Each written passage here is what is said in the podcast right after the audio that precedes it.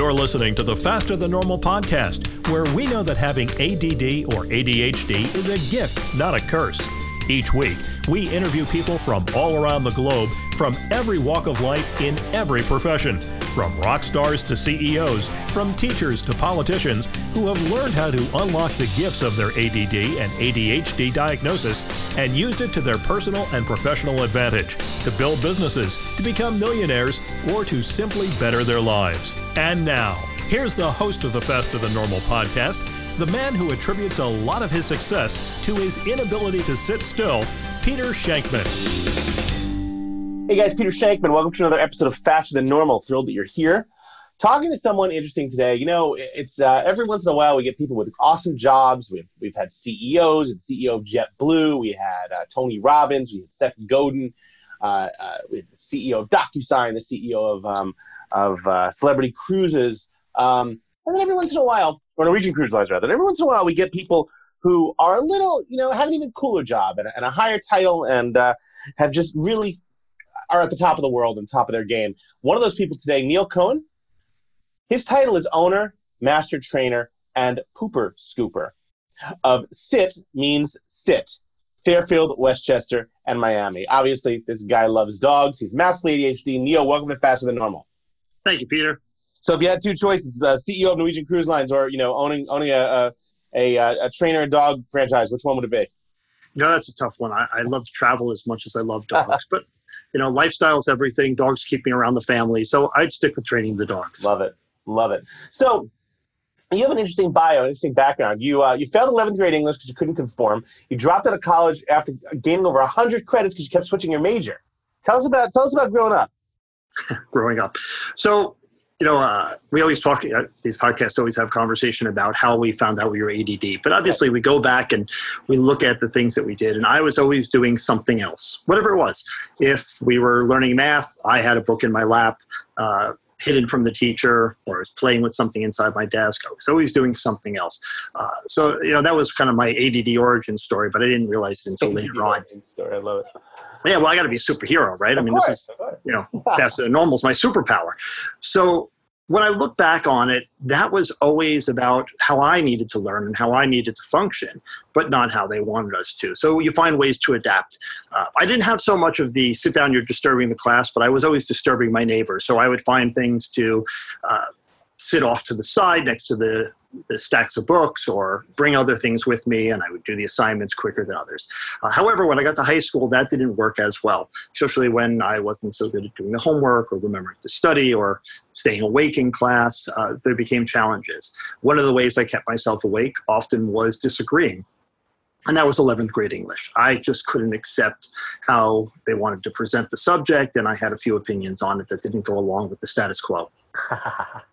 Uh, but you know that gave way to other opportunities. I was that honor student who didn't participate. I was the varsity athlete, but I had long hair and I hung out, you know, with the uh, the rock people, you know, the, the heavy metal people. Uh, which was great for wrestling. I mean, every year I literally would cut off the minimum that I could get away with just so I could continue to wrestle and always have arguments with referees about why I need my hair long or whatever. Uh, but again, it was just rebelling from the status quo. Give way to college a lot of that happened again. Different just different that, interests. Do you think that rebelling? Do you think that rebelling was because you ha- having ADHD or being different and, and were just angry because no one understood you? No, I wouldn't say angry. I was an easygoing guy, lots of friends, active. Um, I, I, you know, dealt with some typical depression, but other than that, I wasn't necessarily angry. Rebellion was just there was I was thinking it faster than they were teaching it, or I was coming up with other points, and almost the attitude was, yeah, well, this is the curriculum we have to cover. We're not going to go into that other area. Which college was a lot better for because my opinions and, and my dissent, or I'd say my dissenting opinions, were more valued as long as the teacher took it for a class where we could discuss things. High school didn't do that as much, or at least most of my teachers didn't do that as much. Okay. So keep going. So you're so you're you're in college. You switched majors how many times? So I'm in, in college uh, probably five or six times. Uh, and every time I would find the next thing that I wanted to do that was interesting, I would excel at it. When I went from being a business major to being a science major, I was able to bang out straight A's. Uh, and then ultimately, what happened was I fell in love with a probably the challenge of, of getting into this next one. And I didn't give up on that major, but it gave up on me. So I decided after all this, pursuing all this business, I was going to be a physical therapist. And I did 200 hours of volunteer work. I packed in my classes. I was doing you know four four credit classes stacked on top of each other no time in the day and doing straight a's however it was very competitive and when i applied the most i could get was waitlisted and after being waitlisted for two years i decided it wasn't going to happen and i would continue in the job that i was doing which was interesting uh, at the time so that was kind of the dropping out. I just didn't pick the next major. It wasn't so much of I'm walking away from it. But then I had joined a circus. So after trying very hard to get into physical therapy school and grades and volunteer work and all those things weren't enough. I just decided to continue on where I was working, which was at a circus. Now that went along with everything else I did because I always had non-traditional jobs, and now what were you doing at a circus? Well, I started out as a summer job because I thought it would be interesting teaching circus skills to kids.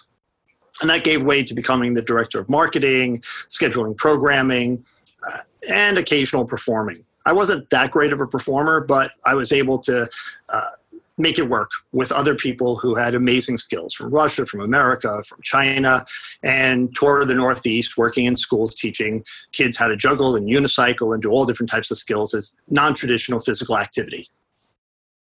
Okay. And do you think there was something connected about the fact that you were doing this, uh, uh you know, it was exciting to you? Oh, absolutely. So, like probably everybody else who's listening to this, the next exciting thing, the next shiny thing brought me in. And working with the circus always had the next shiny thing. Right. Whether that was what school we were going to work in next, what artist we were bringing in from another country, or where I was going next. And that's how I, I, got hooked on traveling. I had never left the country before, and my first trip out of the country was three weeks in China, uh, investigating and working with circuses over there, trying to bring artists to America. Very cool. So tell us how you sort of, from that, how does one wind up with dogs? So after a few years of doing the circus, I wound up traveling. Uh, I moved to Europe for a while. And when I came back, I was kind of lost. Got into technology sales. I, am a gadget guy. I love technology. Uh, did that telecom and, and other things for many, many years. And then the market just collapsed. Right. And at the time, I found work uh, doing marketing consulting, doing web design, but mostly I spent a lot of time with my dog. And my dog didn't have the best behavior uh, when I first got him, and I wanted to keep the dog. So I got into training him, and I found that over the time that I wanted to work with clients who liked my dog, and I could bring my dog with me wherever I went. I like spending more time with my dog. And then at 44, uh, a couple of things happened. Uh, began the process of going through a divorce, found myself out of work, uh, and also kind of, I guess, a wash in a sea of uh, I don't know what to do. I also found out I had ADD, and when I found out I had ADD, um, I kind of it took me a little bit to embrace it. I'm like, all right, what the heck? Everything's falling apart. Let's make some changes, and I decided to go ahead and buy a franchise, and that was Sit Means Sit. And that was four years ago, and hundreds of dogs later, it was the best choice I ever made. Tell us about a routine day for you with uh, with Sit Means Sit. And, and, and if you can, tell us about a routine day with you and how does that placate or grow or work with your ADD? So the best part of it is I don't have routine days, or I try to avoid routine days as best I can. So a lot of them have some typical structure to them. If I'm working with a client, I'm heading out, picking up their dog, and I spend about five hours with a couple of dogs in a park or at Home Depot or down a public street or anywhere I feel like going. The dogs are always different, their challenges are different, and I change up those locations. That variety keeps me interested, keeps me engaged. Uh, it's the best ADD drug. Okay. Now that also changes up because I also run a business. I've got an admin, thanks to you. Uh, yeah. Well, yeah, you know that was one of the things that resonated really well with me was get an admin. You're doing a lot of work that's above or below your pay grade, and you're doing it poorly. Right. And it took me about a year to get that solid, but now I've outsourced a lot of that. But I still have to handle bookkeeping and advertising, and I've always got a, a number of parallel projects, whether it's inside the business or just things that get my attention. One of the things that we talked about, uh, and we talked about earlier, is you know you did get a uh, uh a uh, an assistant. Tell me how that has changed your life. and and uh, you know, do you recommend it? Because a lot of people, oh, I can't afford one, or you know, but when you when you have one, you realize you can't afford not to have one.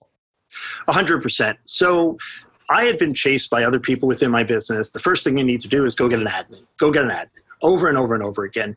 But it never resonated for the right reasons.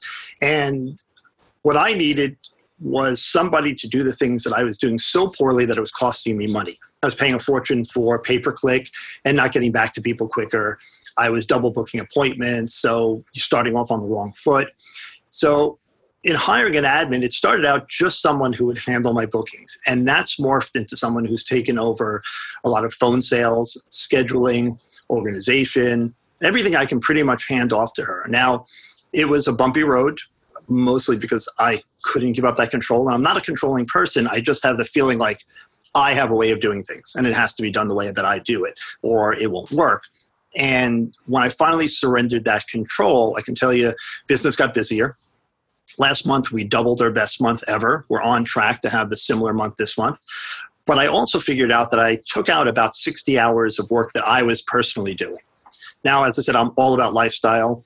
I would much rather be at one of my kids' soccer games or home playing with my dogs. And a lot of that went away because I was working two and three jobs. Right. Training the dogs, doing the admin, picking up the pieces of the things I screwed up.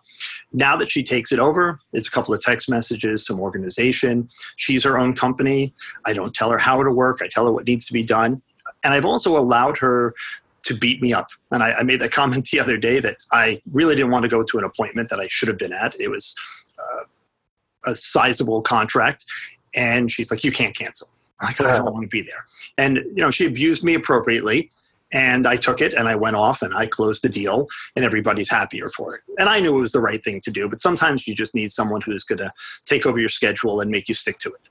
And I think there's a there's a uh, you know it's funny you say she abused you, but I think that's sort of mandatory. Uh, you know, my assistant does the same thing. She'll I'll send her a note. Meg, let's have uh, set up coffee with this person. She'll go, okay, Peter, you have three hours home this week when you're not traveling. Do you really want to do this? Right. Or you're going to call me at 9 a.m. and cancel and tell me to cancel it, and then I have to have that conversation. She goes, "Why don't you just? Why don't I reschedule it for you in a couple of months?" And she's she knows what she's doing. She's you know that's her job. Her job is to, uh, for lack of a better word, prevent my stupidity. Exactly. No question about it. So tell me about um, how your ADD is a superpower for you. Well, you know, the, the faster than normal portion, I mean, if even if I just go into my business, working with dogs, a lot of it is about anticipation. Uh, knowing what they're going to do before they do it allows you actually to help shape behaviors. So a lot of times we're talking to our clients and trying to explain to them, you know, when to they give the command. Timing's everything.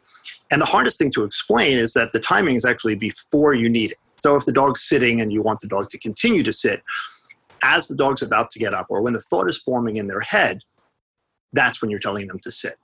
Then they'll understand, oh, I should just keep doing this. Like as our company's name is Sit Means Sit. Sit doesn't mean put your butt on the ground and walk away.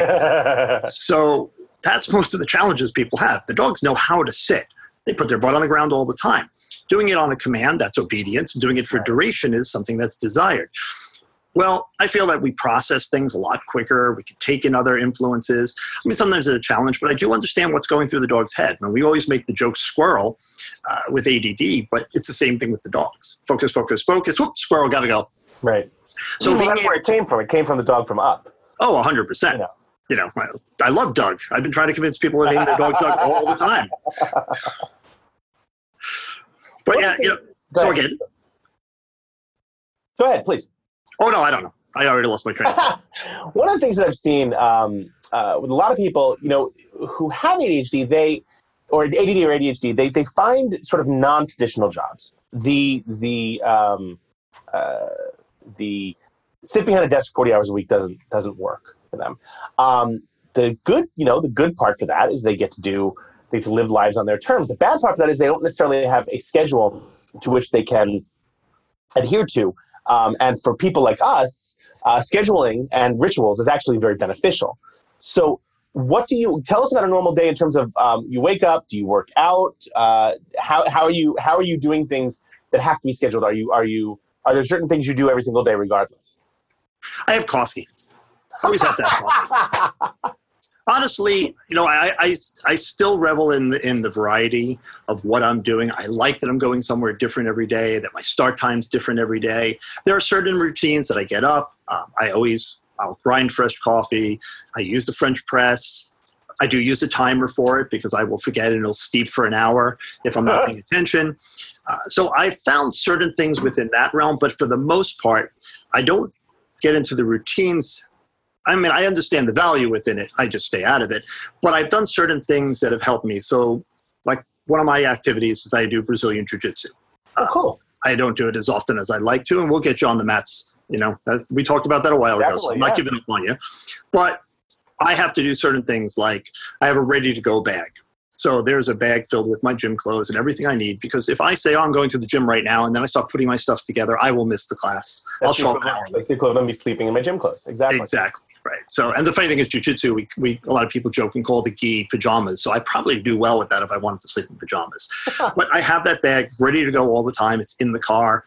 Uh, similar for work. I try to load up my stuff ahead of time. So those are routines that have definitely helped me.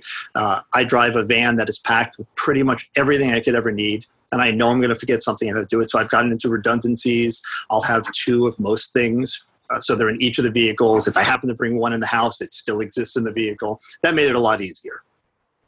No question about it. No question about it. What do you want people to know? What do you think a misconception is about uh, you know, ADD or ADHD or people with faster brains? Well, one of the things is, you know, I know I have ADD. I don't have ADHD, and there's a certain assumption of bouncing off the walls, hyper. Now, my hyper focus can be crazy. Uh, when I get onto a subject, I can talk really fast and 17 different threads that I bring together that nobody else can cover. But for the most part, I'm a relatively mellow guy, and that there's a lot of different types of ADD. And, and, I've struggled with that because people will say things like, "You're not ADD," or I'm like, well, what do you what do you picture ADD being? Right. And right. they're expecting the the kid who has to take Ritalin in, in middle, you know, elementary school, and I never had that. What did you have?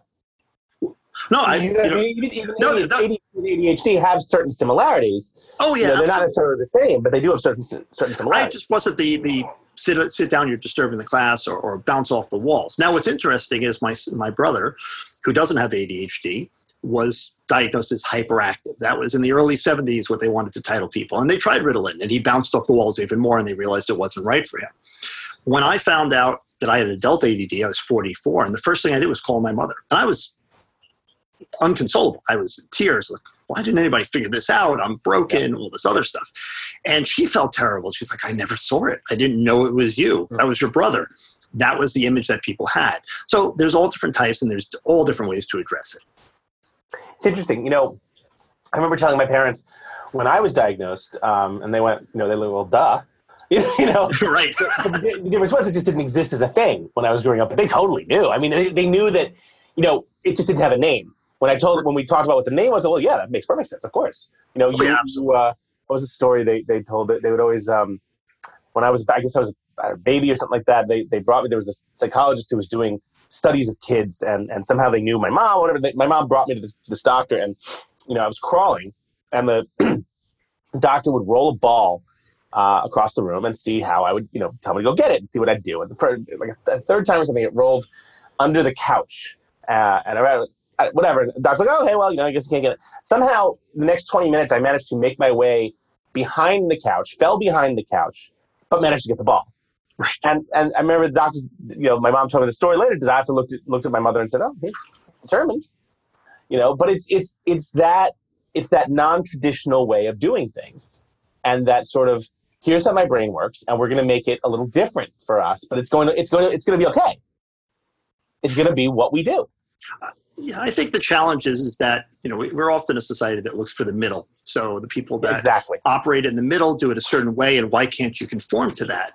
It's just not how I work. And when we do things, you know, I'll tell you, I'll, I'll kind of jump tracks on this. Is your podcast, which I've been binge listening to, three episodes at a time, going back back a year, has made me feel, wow, this is a middle. This is my middle.